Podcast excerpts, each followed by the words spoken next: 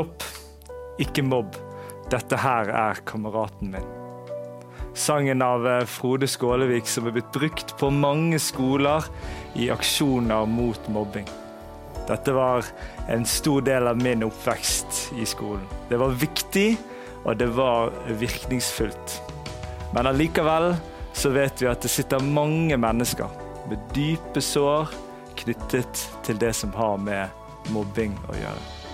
For det skjer og har skjedd mye mobbing.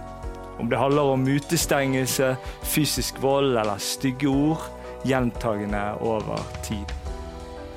Mange ganger kan vi, ting vi har opplevd som barn, være med å prege oss som voksne òg. Hvordan lever vi med dette? Om vi ble utsatt for mobbing eller selv var med på det? Og hvordan kan vi møte og hjelpe hverandre i disse sårene? Og hvorfor er det noen som mobber? Alle kan jo være enige om at mobbing ikke er greit, men det vil nok skje uansett. Og det kan ligge kompliserte fortellinger bak hvorfor noen gjør noe sånt mot et annet menneske. Her kan forståelse hjelpe, selv om det ikke er en unnskyldning eller godkjennelse.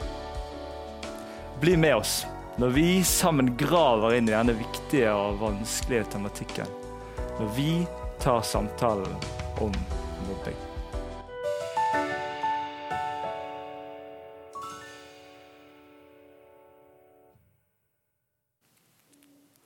Hjertelig velkommen til uh, samtalen denne kvelden. Og nå har jeg gleden av å ha med meg Bård Våge her i studio. Velkommen. Takk. Veldig kjekt at du kunne komme og være med oss. Midt i en sånn litt sånn voldsom tematikk. Jeg tror vi trenger det. At noen eh, tør å snakke litt. Være litt åpne. Men litt om deg først, eh, Bård. Hvem er du? Ja. Eh, Jeg vokste opp Jeg er født i 55. Jeg vokste opp på trøndelagskysten på 60-tallet. Og eh, jeg kommer fra et kristent hjem. Hadde det nok bra hjemme. Var nok kanskje litt overbeskytta. Eh, Gjorde det bra på skolen.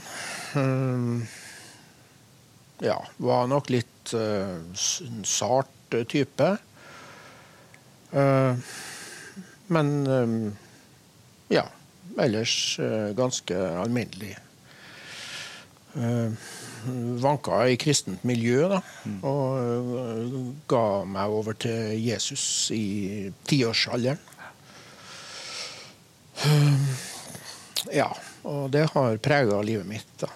Den beslutningen om Ja. å følge Jesus. Ja. Og I dag er du pensjonist. I dag er jeg eh, faktisk eh, 68 Ja. og pensjonist, ja. Og Har all tid i verden. mm, jeg har sju barnebarn, og, eh, så det er jo en del å ta tak i. Og så jobber jo vi i menighet, både jeg og fruen. da. Det er i kristent Fellesskap. Kristent fellesskap. Ja. Så fint. Så stortrives der. Ja, så fint. Og så har du konkret erfaring Ja. og liv inn mot denne tematikken som har med Mobbing, å gjøre. ja.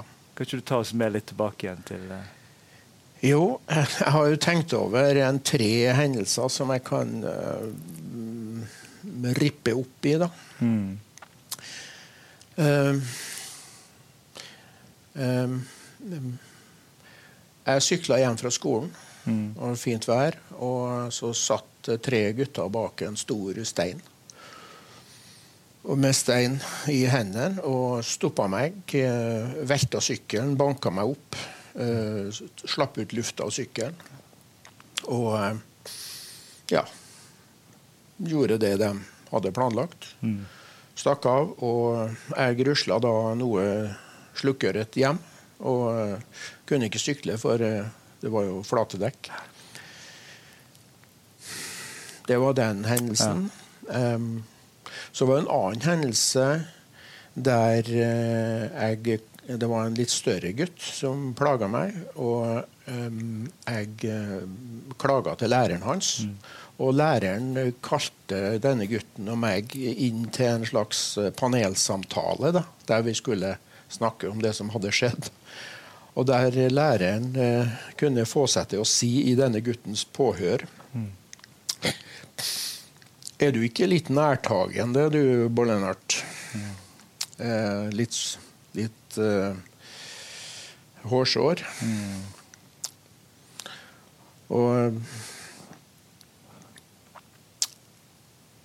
så var jo samtalen slutt, og denne gutten han var jo storfornøyd med samtalen. og eh, det ble ikke gjort noe med det, men jeg, jeg, kjente jo at jeg fikk motvilje mot denne læreren. For jeg syns han tok uh, tak i saken på en veldig dårlig måte. Mm. Hovedlærer på skolen, faktisk. Uh, så den tredje episoden jeg kan nevne, da Det var jo mange, men den tredje episoden, det var i åttende klasse. Sjuende var det den gangen. Åttende klasse i dag. Eh, vi stilte opp vet du, utenfor, og så plutselig så fikk, ble jeg slått ned bakfra. Mm.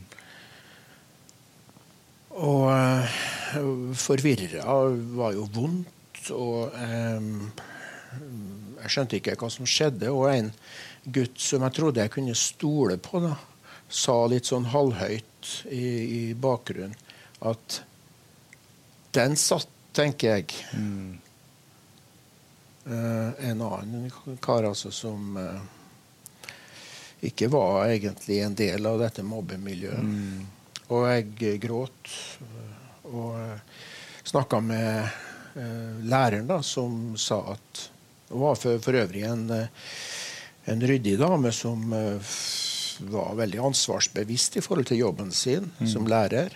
Men, eh, men, det ble ikke gjort noe med det. Hun Nei. sa bare at kan du ikke slå, bare slå igjen. Mm. Denne slampen var jo svær, vet du, ja. han som slo. Han var jo eldre enn meg. Ja, jeg var jo født ganske sent på året. Mm.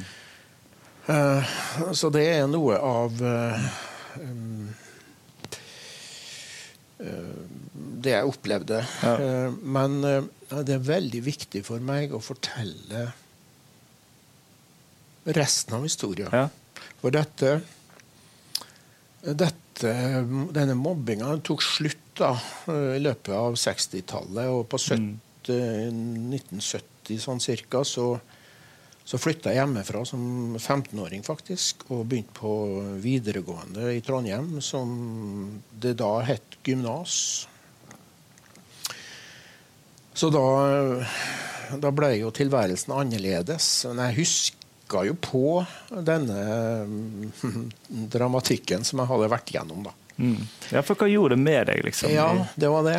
det jeg kunne tidvis kjenne på bitterhet og ønske om å hevne meg mm. på disse her som hadde gjort det.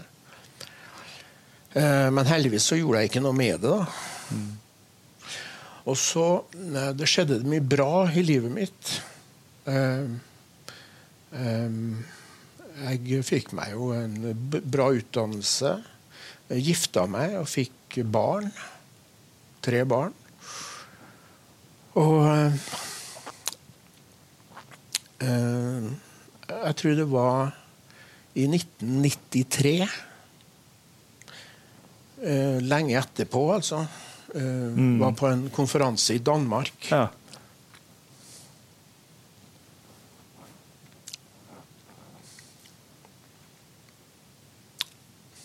Og så En kveld så kom det et profetisk ord.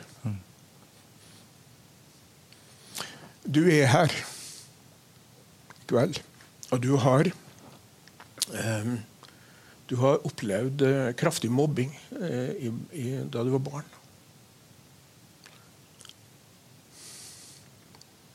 Men Gud er her.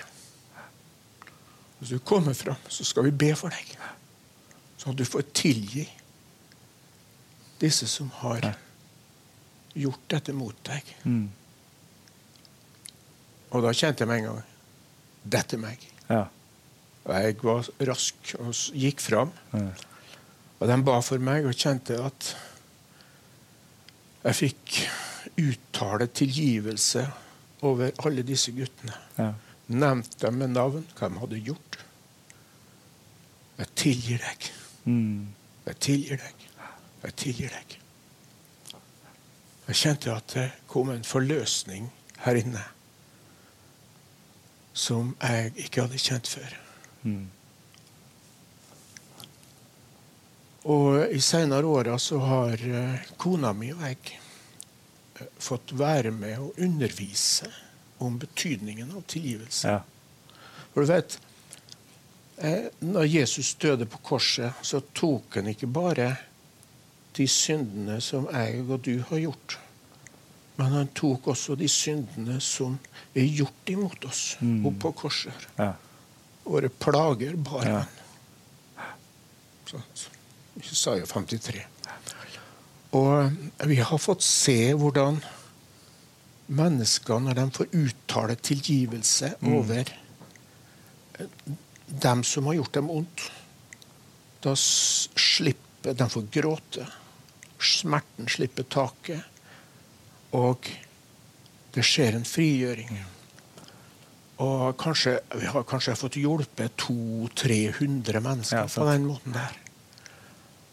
Og det er stort å få erfare hvordan Gud gjør. Under, altså. Jesus kom for å gjøre ende på djevelens gjerninger. Mm. Og det har vi fått se mye av. Ja. Så det er fantastisk. Så sterkt, altså. Ja, og en siste ting. Ja. En av disse, Jeg har kontakt med noen Ja. av disse her. skjønner du. Og en av dem sendte meg en tekstmelding en, eh, en dag. En av disse mobberne. Så, der sto det 'Jesus er veien, sannheten og livet'. Så han har blitt frelst, gutten. Og det har gått ganske bra med han. Og jeg gleder meg stort over det. altså. Ja, nydelig. Så sterkt at Gud kan bruke noe så vondt inn, i, inn i tjenesten din og det dere står i. Takk for at du deler eh, og går foran i det. Det tror jeg er viktig. Skal få lov til å fortsette samtalen både litt i din historie, men òg videre inn i denne tematikken. Men nå skal dere få lov til å få en eh, sanning fra Linda i Sanning samtalesenter. Vær så god.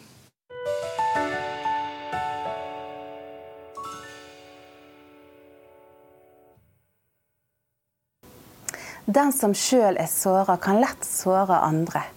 Dette ser vi og har sett mange eksempel på. Mobbing er vondt, og noen ganger går det på livet løs. Det er òg tungt for de som står tett på og må se på at den man er glad i, blir mobba og krenka. Som regel er det den som mobber andre, som sjøl bærer på smerte. Dette kan gjøre alt mer komplisert, for man må òg forholde seg til å møte mobberen med kjærlighet og sannhet. Så er det ikke sånn at mobbing er fraværende innenfor kristne fellesskap. Dessverre. Vi ser dette leve i beste velgående, bevisst og ubevisst. Bibelen sier ha samme sinn, vis medfølelse og søskenkjærlighet, hjertelag og ydmykhet. Gjengjeld ikke ondt med ondt eller hån med hån. Nei, velsign heller, for dere er kalt til å arve velsignelse.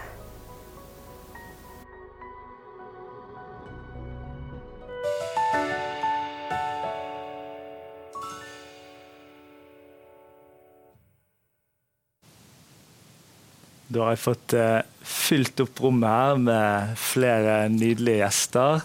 Hjertelig velkommen, Charlotte og eh, Ole Henry. Virkelig en glede å ha dere med i denne litt heftige samtalen. Det må jeg eh, liksom innrømme at jeg kjenner litt på. Her er det mye fortelling fra både eget liv, mennesker vi er glad i sine liv. Her er det mye som kan røres opp. Um, Charlotte, du har litt historie sjøl. Kommer inn i den samtalen med, med litt ferskere historie enn ja. en Bård har delt noe litt lenger tilbake. Er det litt heftig? Eh, Ja, det er jo for så vidt det, men eh, det er jo altså Det er jo viktig å dele, da. Ja. For det er viktig å få ut i, og fram i lyset. Så jeg vokste opp i en kristen hjem som var trygg og god. Em, og med verdens beste foreldre. Men uh, når jeg gikk, skulle begynne i andre klasse, så flyttet vi til en liten plass utenfor Bergen. Ja. Og det var egentlig da styret, kan man vel si, med det å ikke passe inn for alvor begynte å komme. Ja. Med fra første skoledag. Når alle kjenner alle, og du skal prøve å passe inn mellom der i en liten klasse med få folk. Eh, ut fra byen, inn på landet. Det, det er liksom Ja. Ja, det, og det er på skole du har liksom eh, mest erfaring. Og det er jo en, eh, en arena du har eh, litt erfaringer fra, kan vi si. Lite grann, kan vi si. grann, eh. ja. 40 år eller noe sånt. 40 år cirka. Ja. Ja. Dette har du, og dette har vært en hjertesak for deg òg i, i den sammenheng. Dette er forferdelig viktig fordi at eh, det handler om såpass mange barn. Eh, vi vet at eh, på mellomtrinnet eh, så snakker vi om eh, fra 7 til 9 av elever blir utsatt for dette. Så dette, dette er et vanskelig tema. Og vi vet at i verste fall så snakker vi om livsvarige sår som ligger der, som eh, kan gi seg utslag i eh, ensomhet, lavt selvbilde, eh, selvmordstanker, selvmordsforsøk, psykose som er traumeutløst, spiseforstyrrelser. Så her snakker vi om et samfunnsproblem. Og derfor så er det også en forferdelig viktig del av opplæringsloven. Ja, og så er skole litt sånn arenaen der det, det oppstår mest. Altså, det er jo der elever møtes. Ja. Ikke sant? Eh, så mer enn noe sted. Og der blir de kasta sammen. Ikke fordi at de har så veldig mye felles, men fordi de er like gamle. Eh, ikke sant? Det er den eneste grunnen til at de er der. Eh, og vi vet at eh, har du et visst antall elever, så har du også noen som mobber. Og det betyr at da har du også noen som er utsatt. Og du har jo som, på en måte i liksom fagmiljøet nesten sant? Måtte jobbet med dette inn mot skole og i, forskjellige måter. Og her, her oppstår det en slags eh, eh, forskjellig eh, definisjon på dette med mobbing. sant? For når jeg vokste opp, så, så, så var det veldig fram i tiden å kalle noe mobbing, og, og, og eh, nesten alt var det. Og så ser vi nå at det her er det kanskje blande seg inn to, to typer. Kan ikke du si litt om det? Jo, altså det, det handler jo i veldig stor grad om noe av det samme som du tenker rundt depresjon. Ja. Eh, ikke sant? Eh, jeg føler meg deprimert. Eh, jeg våkner opp og jeg har ikke sovet godt, og så føler jeg meg litt deprimert. Eh, det er jo helt feil ord. Ja. Ikke sant? For deprimert er jo et uttrykk som kommer fra psykiatrien, Ja. og som er en beskrivelse av en langt alvorligere situasjon enn det. Men vi bruker ordet sånn, og sånn bruker vi også mobbing. Mobbing er et fagfelt. Vi lever faktisk i den byen der Donald Veus hadde sin forskning, og som regnes som kanskje en av verdens fremste forskere på mobbing. Eh, og som har bygd opp Olveus-programmet. Det er et fagfelt eh, som, handler, som krysser over til psykiatrien. Eh, og det er et veldig viktig fagfelt fordi det treffer så mange. Og så bruker folk selvsagt ordet veldig generelt. Ikke sant? Slik at jeg jeg mobber bare de jeg er glad i. Nå skal jeg mobbe det litt. Ja. Grann. Ikke sant? Altså det, det kan brukes veldig lettvint, Ja. eh, og det kan brukes veldig faglig. Ja. Mm. og alt dette er selvsagt i orden, men jeg må være klar over at når profesjonelle arbeider med mobbebegrepet, så er de på det profesjonelle forståelsen av det. Eh, og da snakker vi om en veldig alvorlig situasjon, eh, og som er fryktelig, fryktelig skadelig. Og vi vet at det begynner allerede i barnehagen. Og vi vet at det holder det gående langt inn i arbeidslivet. Her snakker vi om noen kriterier. Ja, Det er tre kriterier som nå er anerkjent eh, på landsplan. Eh, og Det første er at det må være en intensjon til å skade. Det er det første. Den andre er at eh, det må være gjentatt handling eh, med samme aktørene. Eh, og den tredje er at det er en ubalanse i styrkeforholdet. Altså den som blir utsatt, eller de som blir utsatt, klarer ikke å sette seg til motverge av en eller annen grunn. Ja. Så fint. Kjenner dere dette igjen nå, nå tror jeg vi i denne samtalen kommer til å liksom ikke klare å være så, så fagmessig fordi vi liksom er i det litt mer kjelleriske rom. Men kjenner dere igjen noen av kriteriene i, i egne erfaringer? Ja, det høres riktig ut. Ja. eh, ja. Mm. Ja, det høres jo ganske riktig ut, eh, det at ting gjentar seg. Ja. Og det Ja, frykten et barn eh, får når det skjer en hendelse på nytt og på nytt. Og frykten for å ikke passe inn er jo stor, da. Og, du opplevde kanskje at ikke liksom, skole fungerte på en god måte i møte med dette tematikken? Eh, ja, på en måte. Nå har jeg hatt veldig gode lærere, og så har jeg hatt lærere som har vært med på å gjøre hele seansen verre.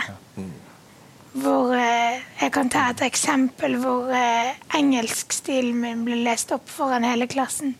Alle skjønte at det var min engelskstil. Vi var veldig få I klassen. i klassen. Og det ble jo et selvfølgelig stort mobbegreie, det òg, med at Charlotte kan ikke skrive engelsk. Mm. Oppå alt det andre. Oppå det. Mm. alt det andre som gikk på utseende og andre ting, da. Hva er det som gjør at, eh, at noen eh, er sånn mot hverandre?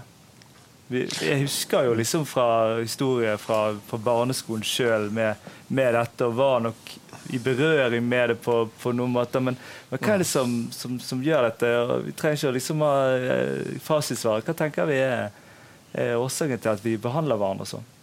Nei, I mitt tilfelle tror jeg det var en del misunnelse. Ja. For jeg hadde det bra hjemme. Og jeg var rimelig bra på skolen. Eh, og eh, dem som gjorde dette, hadde sine utfordringer både på hjemmebane og i skolen. Eh, og ja.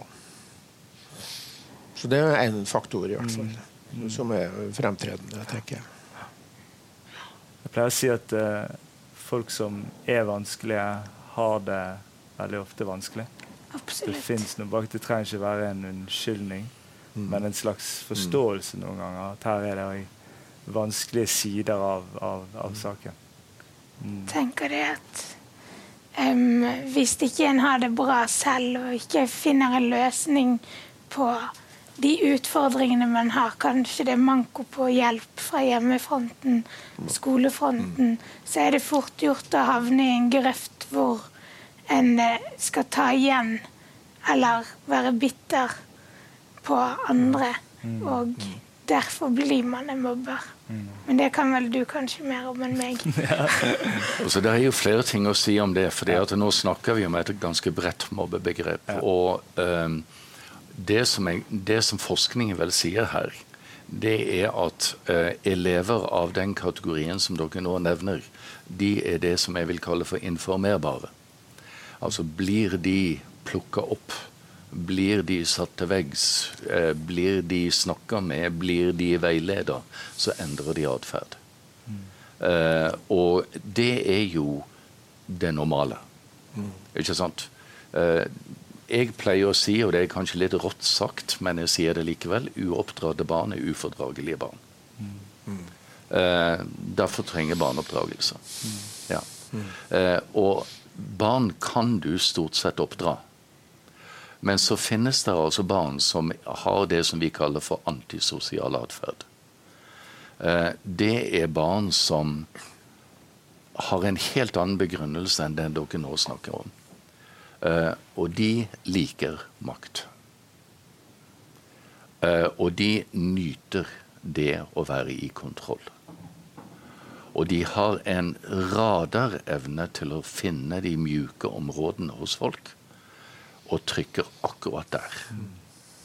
For at du skal føle deg liten, for at du skal føle deg utsjalta, for at du skal føle deg isolert, for at du skal føle deg dum, fordi at du skal skjønne at du er ingenting verdt. De er kjempegode på å finne det. De finner det hos medelever, og de finner det hos voksne. Og de treffer nesten hver gang. Høres nesten djevelsk ut. De, dette er det vi kaller antisosial atferd. Eh, antisosial atferd har også det ved seg at de er regelbrytende. Så disse menneskene eh, som har denne atferden, det er de som eh, er de farligste mobberne. Eh, og det er de en må prøve å få øye på. Og det er de en må prøve å stoppe. Uh, og det er mange som tenker om disse at de har samme evne til endring som det barn flest har. Og så får en samtaler Eh, lærer sitter ned og samtaler. De blir sendt til inspektør eller avdelingsleder. De blir sendt videre til rektor. Eh, der er PPT inne i bildet, der er spesialpedagoger inne i bildet. Man snakker med foreldrene. Eh, ikke sant? Og så skal man få til å samtale de på plass. En skal få til, Noen ganger så skriver man avtaler som de skal signere på osv. Og, så og vi vet alle sammen at disse, for akkurat denne typen elever, så varer ingenting av dette. En dag eller to så er det på'n igjen. Du vet, På 60-tallet, når jeg eh, Min eh, erfaring på dette feltet eh, inntraff, da, så var man jo kommet nokså kort. Og jeg tror det var veldig mye hjelpeløshet i lærerkollegiet også. Hva gjør vi? Hvordan skal vi snakke disse krabatene til rette? Mm. Man prøvde. Eh, og, men det var nokså lite forskning da mm. i forhold til det som man har ja. klart å oppnå i dag, tenker jeg. altså. Ja. Man virker å ha jobbet veldig ja. godt med Det har vært jobba veldig mye både på forskningsplan og i praksisfeltet. Ja. Det har det. Og, og, det vi vet, det er hvis vi kan få hele voksensamfunnet og da mener jeg lærerne, assistenter, skoleledelse, foreldre, vaskepersonale, vaktmester, alle i hop. Mm. Til å ha samme holdning. Mm. Uh, til å behandle disse elevene på samme måte. Bevisstgjøring. Bevisstgjøring, og så tydelig på at denne eleven skal stoppes. Mm. Ikke sant? Hvis vi får det til, og det er konsekvenser der, mm. så viser det seg at disse elevene skjønner at det koster for mye og da slutter de. Det høres veldig bra ut. ja. Men alt er jo fint på papiret. Ja, for det er kanskje litt din opplevelse, sant? Ja, altså, det er jo... Sårbarhet i systemet. Ja, altså eh, Vi husker vi hadde sånne tester på data og, og sånn Hvordan har du det på skolen for å skulle måle opp hvor bra er det? Selvfølgelig løy jeg på de tekstene. Ja. Fordi at, måtte, liksom. ja, Når læreren står framme i klasserommet og sier nå skal vi ha en sånn test for å se hvor bra skolen vår er, håper skolen vinner, som en slags konkurranse. Ja, for de andre skolene. Ja, ja.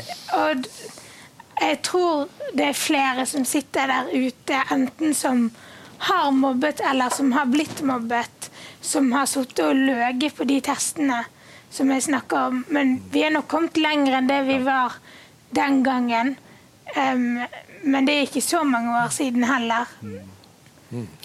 Nei, og det, det, er jo helt klart at disse tingene har altså Kampen mot det er viktig på alle plan. sant? Mm. Og, og, vi må tro på forskning og skape systemer. Og så vet vi at når det er mennesker eh, inkludert, så er det ikke alltid at eh, de gode systemene følges, eller funksjonene blir sånn som man har tenkt. Altså jeg tenker at folk rundt omkring kan prøve å reflektere litt rundt Har dette blitt tatt opp på foreldremøter? Ja. Uh, I et system der man faktisk jobber med mobbing, så skal dette tas opp med foreldrene hvert år. Ja. Har dette blitt, uh, Er lærerne blitt undervist i dette? Mm. I systemer som fungerer, så skal lærerne undervises to ganger i året. Har rådsorganene hatt dette oppe, altså FAU, elevråd osv.? Det skal være der hvert år. Eh, har man systematiske elevmøter, altså klassemøter omkring dette? Eh, disse tingene må være på plass for å håndtere dette. her. Og da får du forskjellen på, på de eh, papirtigrene som du beskriver. Ikke sant? Alt ser bra ut på papiret. Og hva som faktisk skjer. Og hvor hurtig griper skolen inn når de får melding. For lærerne har et ansvar både for å observere og for å gripe inn. Og for å sette i gang aktivitet og bringe på plass et trygt og godt skolemiljø for elever. Gjør de ikke det, så gjør de faktisk ikke jobben sin. Så jeg, det er klart, jeg ble jo litt jeg ble litt skremt når jeg hører på deg, Charlotte. Mm. Fordi at jeg tenker dette skulle jo dine skoler ha hatt på plass. Mm. Ja. Det blir det vonde i, i dette. Og, og, det er nok sånn at folk har den erfaringen. Men det er likevel godt at vi kan jobbe og kjempe på noen måter eh, sammen. Nå har første del av samtalen gått. Vi skal i, etter en liten reklamepause bevege oss litt dypere inn i hva gjør dette med oss, og hvordan kan vi få hjelp og hjelpe hverandre i møte med noen av de sårene eller det, det vi ser i mennesker rundt oss også, som er blitt skapt i møte med denne tematikken. Men her får du en liten reklame før vi kommer tilbake igjen etterpå.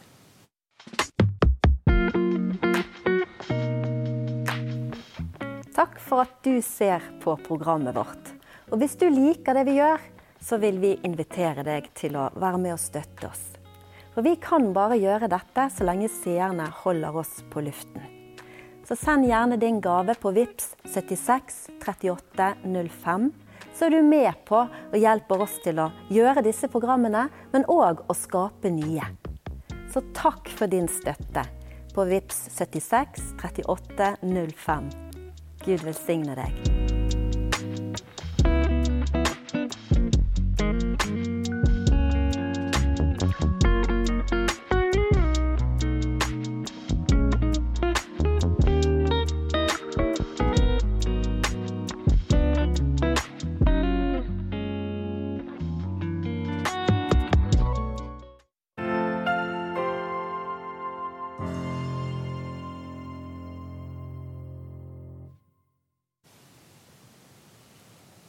Velkommen tilbake. Vi fortsetter å grave vi, i dette her.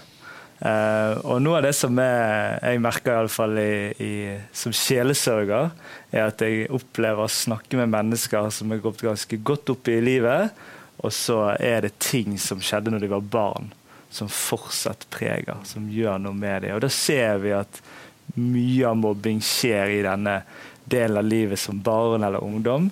Og, og hva gjør det med deg? Du, du forteller litt om, om en, om en uh, gjenopprettelse. Mm. Hva var det som, som ble gjenopprettet i deg uh, når du 20 år etter opplevde dette som denne forsoningen og, og, muligheten til å tilgi? Klarer du å sette ord på noe av det som skjedde ja. inni deg? Eh, ja, jeg var jo ikke bevisst på det behovet. Men da dette profetordet kom, du, skal, du, må komme frem, du som har opplevd mobbing i barndommen din. Mm. For uh, det finnes gjenopprettelse for deg. Og uh, Gud er her. Mm. Og vi skal be for deg. Og da gikk jeg, var jeg rask. Og det jeg opplevde, var at jeg fikk uh, gitt fra meg smerten og jeg opplevde en frigjøring ved at jeg fikk sette ord på dette ble gjort mot meg. Dette ble gjort mot meg. Dette ble gjort mot meg. Eh, vil du tilgi dem? Og jeg, jeg sa navnet til disse guttene. Mm. Ja, jeg tilgir deg for det og det og det. Jeg tilgir deg. Så kjente jeg at jeg tok dem én etter én etter én. Altså, og, og, da kjente jeg at, eh, at, gråten tok meg, vet du. Og jeg, jeg, eh, jeg fikk gi fra meg eh, alt som ga grunnlag for sinne, hevntanker, bitterhet, mm. motvilje. Eh, lyst til å vri halsen rundt på ham. Mm. Fikk gitt det fra meg. Og, det står at Gud er hevnens Gud. Og, og, og, jeg gir fra meg retten til oppgjøret til, til Gud mm. sjøl. Og da var liksom lenkene falt av meg. Og når det betydde så mye for meg, så kan det nok bety en del for andre også. Ja. Så derfor har det blitt en livsoppgave for meg, en del av det, å hjelpe andre til å tilgi. Mm. Du vet, eh, eh, vi, vi, kan ikke tvinge folk til å tilgi, vet du. Eh, men, men eh, det står 'forlate oss vår skyld som vi forlater våre skyldnere'. Altså, sånn som jeg tilgir dem, slik kan Gud tilgi meg. Så, så, tilgivelse vil ikke fungere i livet mitt. Forsoningen vil ikke fungere i livet mitt uten at jeg tilgir sjøl. Mm. Og det er en, en kjempehemmelighet. Mm. Og når jeg tilgir, så blir jeg fri. Og så er det en prosess ofte. ikke sant? Så prosess, det, det må, må, ta det flere ganger. Så det er ikke noe sånn lettvinte greier. Men, men for meg så har det vært eh, enormt frigjørende. Jeg tenker det med prosess er en sånn mm. Og det kan jo være forskjellige steder. Ja. Og det å få mm. være med å se nevnte, det, Kanskje flere hundre vi har fått hjelpe. Mm. Sitte i sjelesorg. Sant? Vi har jo taushetsplikt, så de forteller om all elendigheten. Og så hjelper vi dem til å uttale tilgivelse over de som har gjort dem ondt. Enten det er lærere, foreldre, pastorer. Mobbere, autoritetspersoner. Gjort dem ondt. Ja, vil du tilgi? Ja, så gråter de, så tilgir dem. Mm. Og så kommer forsoningen. altså. Og de blir mm. Det er ikke lettvint, og det kan ta tid. Men underet skjer. Ja. ja. Du er litt tidligere i denne prosessen? Ja, jeg vil jo si det. Jeg på begynt prosessen. Mm. Et stort vendepunkt for meg var når jeg begynte på bibelskolesubstans i fjor. Mm. Eh, da hadde jeg superstore traumer med skole og kjente det at OK, dette kommer til å bli tøft. Ja, For det som skjedde på skolen, det gjorde at du fikk veldig problemer med hele skolesammenhengen. Ja. Um, alt fra lærerrolle til lærerværelser til ja, klasseromsituasjon. Mm. Jeg hadde mange panikkanfall på skolen, uh, på bibelskolen. Men jeg fikk erfare da at uh, det var noe helt annet. Jeg fikk en god erfaring på hvordan skole faktisk skal være og hvordan Gud grep inn i det. da. Og snudde det og ga meg trygge, gode venner som jeg fremdeles har god kontakt med. Um, og det, det, var veldig deilig å se at det på en måte var en gangsettende prosess. Mm. Så fikk jeg òg hjelp av psykolog, da. Um, og det, det syns jeg personlig er veldig viktig og riktig når man har gått igjennom mange fysiske og psykiske traumer. Eh, nå har jo jeg blitt alvorlig syk oppå det hele som veldig ung, mm. så det var liksom det òg. Men eh, jeg tror generelt det å få profesjonell hjelp inn i det For det er jo traumer, og det er veldig fort gjort å ta en offerrolle og tenke at de ordene folk har sagt til deg, og de tingene eh, de har gjort med deg, at det er deg. At du mister litt hvem er du oppi det hele. Og prøve å finne seg selv igjen. Mm. Det tror jeg er veldig viktig, og det har hjulpet meg veldig mye. Jeg er på et veldig bedre sted nå. Mm. Ja, for Du nevner det, Ole Henrik. Sant? Det, det, det preger identitet, selvfølelse. Det går så på dypet mm. av mennesket når det blir utsatt eh, iallfall over lang tid sant? med disse Man begynner å tro på ting som ikke er sant, kanskje. Absolutt. Ja. Du tar tilbake sannheten om deg sjøl. Ja. Det er jo det som skjer. Ja. Ja. Guds bilde blir jo helt forvridd òg. Man tror at Gud ikke liker en, at man må prestere overfor mm. Gud. Eh, det er tanker jeg har gått rundt mm. med, eh, og det har vært veldig krevende mm. og vanskelig å holde fast i troen da, når det har liksom herjet rundt en. Men på et eller annet vis så har jeg alltid klart det. Selv om aftenbønnene mine som barn var kanskje ikke helt barnlige som vanlige. Man skulle tenke seg Kjære Gud, la meg få slippe alt dette her. Ja. Skal ikke et barn på syv-åtte år be mm. for seg selv mm. om kvelden? Det tenker jeg men jeg tror det er mange som gjør det selv om man ikke er klar over det i kristne sammenhenger òg.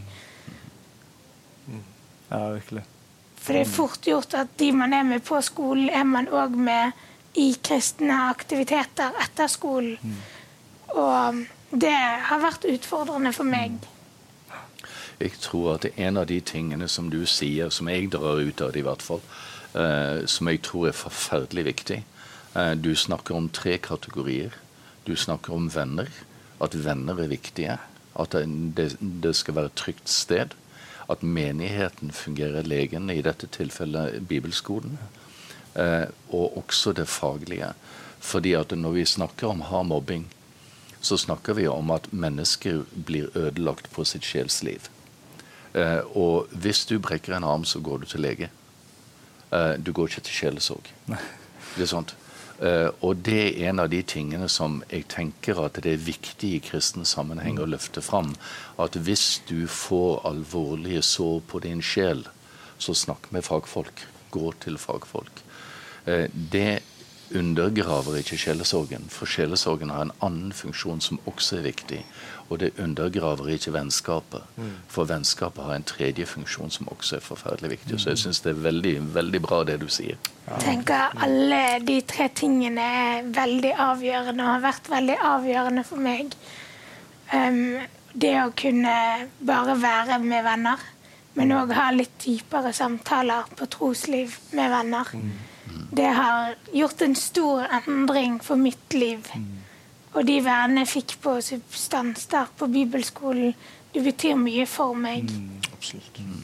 Og så er det jo litt sånn når vi har sår dypt i oss, så er det jo av og til litt sånn lett å, å rømme fra det. Det, det, er tøft å møte det. Eh, og der er jo liksom vekke litt det du sier, det der å, på en måte framsnakke det å ta tak i tingene. Hvis vi vet at vi har ting, og dette kan være skapt hos så mange i forskjellig alvorlighetsgrad, eh, og så er, ligger det der, og så som du sier, du vet ikke behovet før, før du faktisk eh, tar tak i det. Det har vært et sånn hjerte for meg i forhold til å løfte opp denne samtalen litt. Hvordan kan vi se det liksom i i, i, i, det kristne fellesskapet. Oppmuntringen av å, av å løfte fram og, og, ta tak i. Ikke det at man skal stå og, og måtte utbre seg på en talerstol alltid, men, men å, å, være modige da, av å møte litt av disse vanskelige tingene i oss sjøl. Jeg tenker det er forferdelig viktig at vi, vi har et reelt menneskesyn. Ja. Altså syn på hva er et menneske. Og at menneske, alle mennesker uh, har sine ting. Uh, og at den plassen til det knuste mennesket, det sårbare mennesket, eh, den må vi verne om. Eh, slik at vi ikke får vellykkede forsamlinger. For vellykkede forsamlinger, det er terrorforsamlinger. Eh, vi som er i kristne forsamlinger, vi er vanlige mennesker som går i stykker. Uh, og det er viktig. Uh, og når vi snakker om friheten, som jeg syns du bare snakker veldig flott om, uh, så tenker jeg der, der er en bit til òg som bør sies. Og det er at noen ganger skjer det et eller annet med oss som vi aksepterer fysisk, men ikke nødvendigvis like godt når det gjelder det åndelige. Hvis du er utsatt for en ulykke og du mister synet, eh, så er ikke målet vanligvis å prøve å få tilbake igjen synet, selvsagt hvis det er mulig. Men hvis ikke det er mulig, hva er da løsningen? Jo, da er løsningen å lære å leve med det og lære å leve godt med det. Og noen sår som vi pådrar oss i løpet av livet, de vil komme til å være der resten av livet. Jeg var i den situasjonen at jeg mista dattera mi.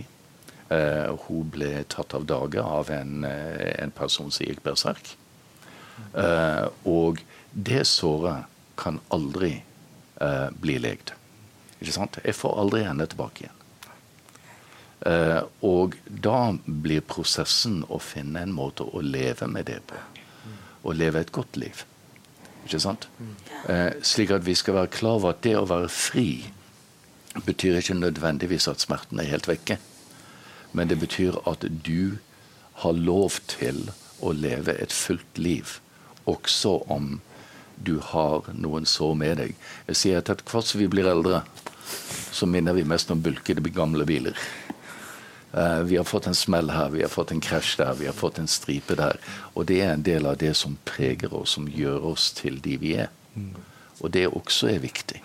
Absolutt. Mm. Ja. Jeg tenker òg det er viktig å, å um, legge vekk det at du skal være et offer.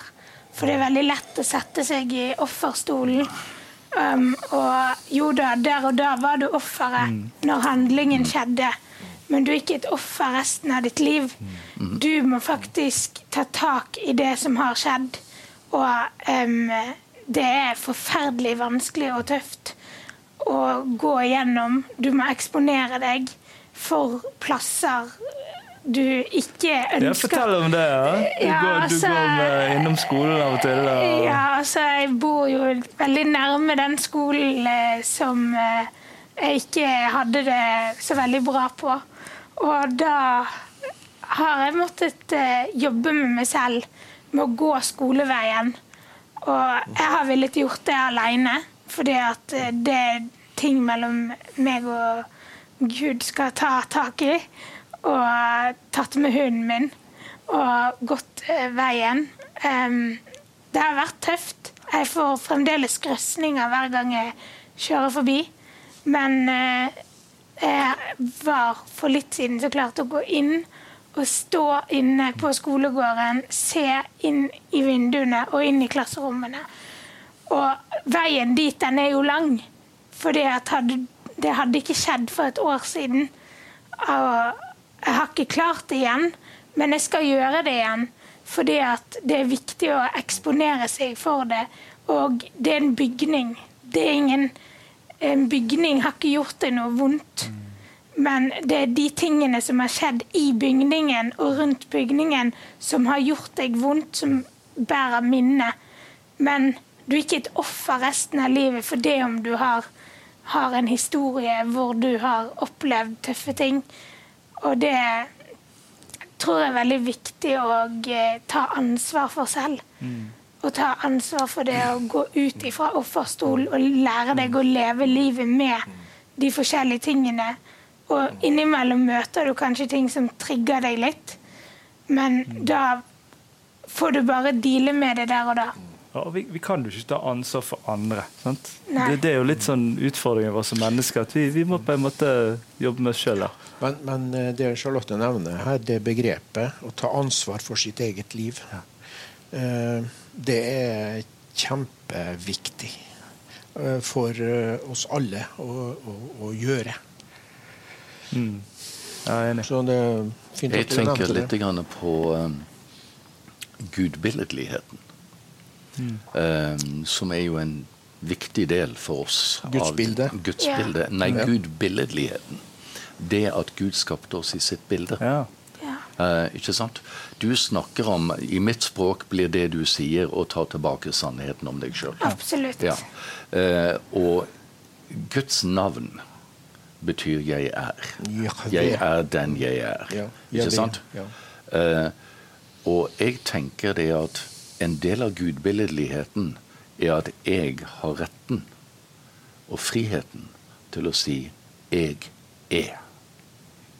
Og det innebærer at det jeg er, er mitt, og jeg styrer over det. Jeg har retten over det. Og andre stemmer som forsøker å ta kontroll over meg, de vil jeg stoppe med å si 'jeg er'. Absolutt. Det er helt enig. Ja. Og du vet, Barn er jo forsvarsløse, vet du. Så, så eh, jeg står veldig fast på det at eh, eh, den her helbredelsesprosessen som jeg trengte, og som jeg ikke visste at jeg trengte, den var så eh, viktig. Eh, og eh, en annen side ved dette Hvis du har med deg sår og skuffelser og og på en måte latent sinne, motvilje, antipati um, og gift, og gift man, Jeg gifta meg, ikke sant? Og det er veldig viktig når jeg eh, gifter meg og, og kommer altså Man kommer hverandre veldig nær. Det er Guds plan, i hvert fall. Jeg skal komme hverandre veldig nær. Og barna mine, ikke sant. Hvis jeg har med meg sinne og skuffelser og sår inn i den nære relasjonen, Åh, Eh, og, og, og i, i, et ekteskap også så er det jo eh, konfliktstoff. Du, dette er så viktig, Bård. Takk for at du tar det fram. For dette, dette er dette er et nytt tema, tror jeg. Ja, det, vi, nå, nå måtte vi liksom samle oss litt her, for dette, denne Dette samtalen merker vi ja. den har så mye i seg. La oss håpe at dette var en god start. Virkelig. Nå skal vi la til å få en andakt midt i denne tematikken, så hør litt på Amund Hellegås her og ta imot denne, dette Guds ord.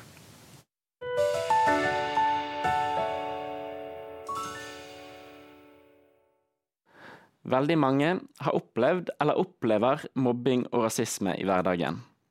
Det kan skje både på skolen, på jobb, men òg i hverdagen blant venner og blant ukjente på gaten. Jeg tror dette er vanligere enn vi tror. Selv om det kan innebære store, større hendelser som innebærer vold eller urettferdig behandling, så tror jeg oftere det skjer mer i det skjulte, i måten man snakker på, hvordan man kommuniserer med blikk og kroppsspråk, som gjør at man føler seg dårlig. En person i Bibelen som opplevde en form for mobbing, var Hagar, som vi kan lese om i Første Mosebok 16. Hagar var tjenestekvinne under Sara, konen til Abraham. Sara var barnløs, men hadde veldig lyst på barn, og ba dermed sin mann Abraham om å lage barn med Hagar, sin tjenestekvinne. Når Hagar ble gravid, så ble Sara misunnelig, og det står at Sara ydmyket henne, altså Hagar, så hun rømte fra henne. Hagar rømte da ut i ørkenen og var fortvilet. Hva skulle hun gjøre nå? Og i denne fortvilelsen så møtte Gud hun gjennom en engel. Og engelen ba hun dra tilbake til Sara og forbli hos henne, selv om hun var ydmyket av Sara. Men engelen lovte òg at Gud skulle gi henne en stor slekt. Hagar hørte på dette. Hun, ble, hun følte seg sett og sa til Gud, Gud, du er en Gud som ser meg. Hagar dro tilbake til Sara. Gud oppfordret Hagar til å stå i det hun sto i, selv om det var vanskelig, men han lovde å være med henne. Dette viser jo det at Gud ikke er en distansert Gud. Han ser oss når vi har det vondt, og han har omsorg for oss. Og Det er ikke bare fordi han elsker oss, men òg fordi han har opplevd det selv. Som menneske var Jesus på jorden, og han opplevde mange av de samme tingene som vi kan ha opplevd i dag. Så for eksempel ble han forfulgt og latterliggjort, til og med av sine nærmeste. Gud ser oss som den vi er. Han elsker oss for den vi er. Det står i Galaterne 3,28 at her er ikke jøde eller greker. Her er ikke slave eller fri. Her er ikke mann eller kvinne. Dere er alle én i Kristus Jesus. Gud elsker oss alle for den vi er, uavhengig av om vi er rik eller fattig, om vi er populær eller ikke har så mange å henge med, om vi er svart eller hvit, om vi er fra Norge eller fra Bangladesh, eller om vi på en eller annen måte kan skille oss ut fra de rundt oss som gjør at vi sammenligner oss. Om vi har vår identitet i Gud istedenfor i det alle andre sier om oss, så trenger ikke nødvendigvis de stygge tingene folk sier om oss, og måtene folk møter oss på, ha noe å si for hvem vi er, siden vi står fast i Gud. Det kan være litt som en vanntett regnjakke, hvor vannet bare preller av når det treffer. Vi kan ikke alltid kontrollere hva vi møter rundt oss, men vi kan kontrollere hvordan vi lar det påvirke oss. Om vi lar Gud påvirke oss og påvirke vår identitet, så trenger ikke den gå inn på oss sånn som det lett gjør. La oss be. Kjære Jesus, takk for at du er en god og kjærlig Gud. Takk for at du elsker oss akkurat for den vi er. Hjelp oss til å la det du sier om oss, heller enn det alle andre skulle si om oss, være med å påvirke hvordan vi ser på oss selv. Gi oss styrke til å stå støtt i den vi er, og å måte mobberne med et smil. Amen. Gud velsigne dere alle.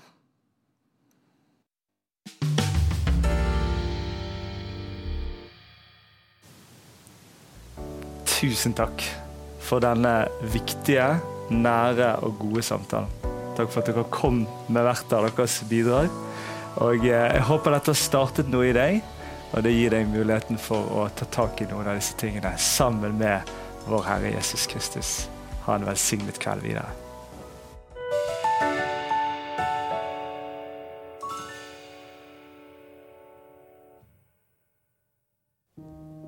Noen ganger handler samtalen om ting som kommer nært inn på livet. Og kanskje berører deg og ditt liv. Og kanskje du tenker at dette skulle du snakket med noen om. Det finnes heldigvis noen som kan hjelpe deg.